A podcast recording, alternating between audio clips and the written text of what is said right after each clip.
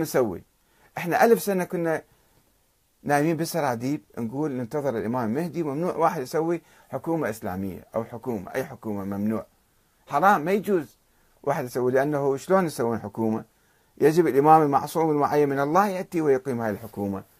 وإذا تريدون تسوون حكومة الآن فعلى أساس الشورى والشورى باطلة ومحرمة وما يجوز. وإحنا ألف سنة صارنا نحكي ضد الشورى. شلون تجون تسوون نظام ديمقراطي؟ هذا كفر هذا ما يجوز.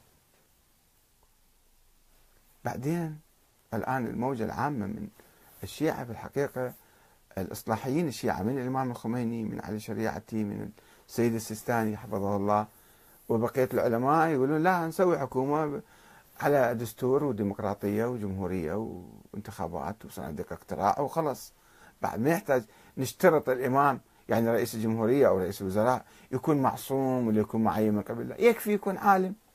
حتى إذا مو عالم مجتهد مجتهد بالسياسة يقولون. هذا الدستور الإيراني يقول كذلك. وإدارة البلد يكفي هذا. هذا شيء معقول جدا.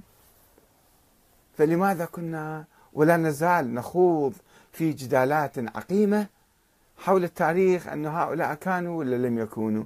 كانوا معصومين ولا لم يكونوا معصومين؟ كانوا معينين من قبل الله أو لم يكونوا معينين من قبل الله؟ وهذه النظرية قديمة بائدة منتهية. لا وجود لها اليوم. يوجد مخلفاتها. مخلفات هاي النظرية تجي بالعنف وبالحكم بالضلال. وإحنا الفرقة الناجية. من يعتقد هذه العقيدة فهو من الفرقة الناجية ومحبي أهل البيت.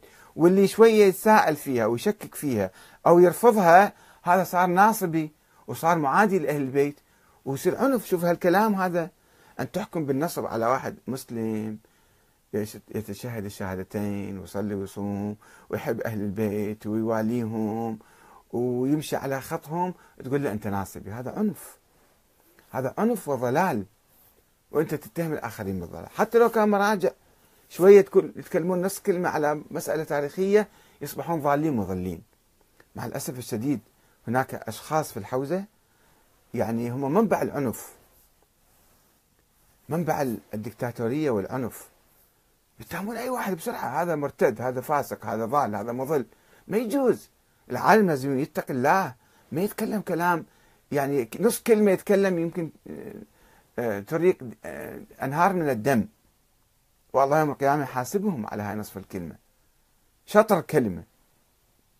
فما يجوز إحنا يعني خلينا نتخلى عن هذا العنف وهاي الغرور وإحنا نمثل أهل البيت وإحنا فقط إحنا الفرقة الناجية والناس كلهم البقية حتى الشيعة. المؤمن بما نؤمن نحن به فيصبح هذا من الضالين المضلين. الفاسقين المرتدين النواصب كل شيء بعد. ويقول باهتوهم مش ما تردون احكي عليهم.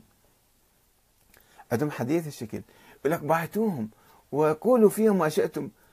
حتى تحطموهم ذول أهل البدع يسموهم. هو عايش بالبدعه هو أهل بدعه ويتهم الآخرين أهل بدع وتعال يا بسبهم وشتمهم ولعنهم وكفرهم وفسقهم ما يخالف حلال إليك. شوف المنطق الإرهابي المخيم على عقول بعض الناس. ما أقول أنا كل الحوزة ولكن في بعض الناس بالحوزة بهذه الصورة. ما ما يفتح صدره ما يتفاهم ما يناقش ما يبحث ما يسمع أحد يناقش في أي مسألة. رأسا يشوفون الاتهامات يعني ما شاء الله مثل المطر تنزل.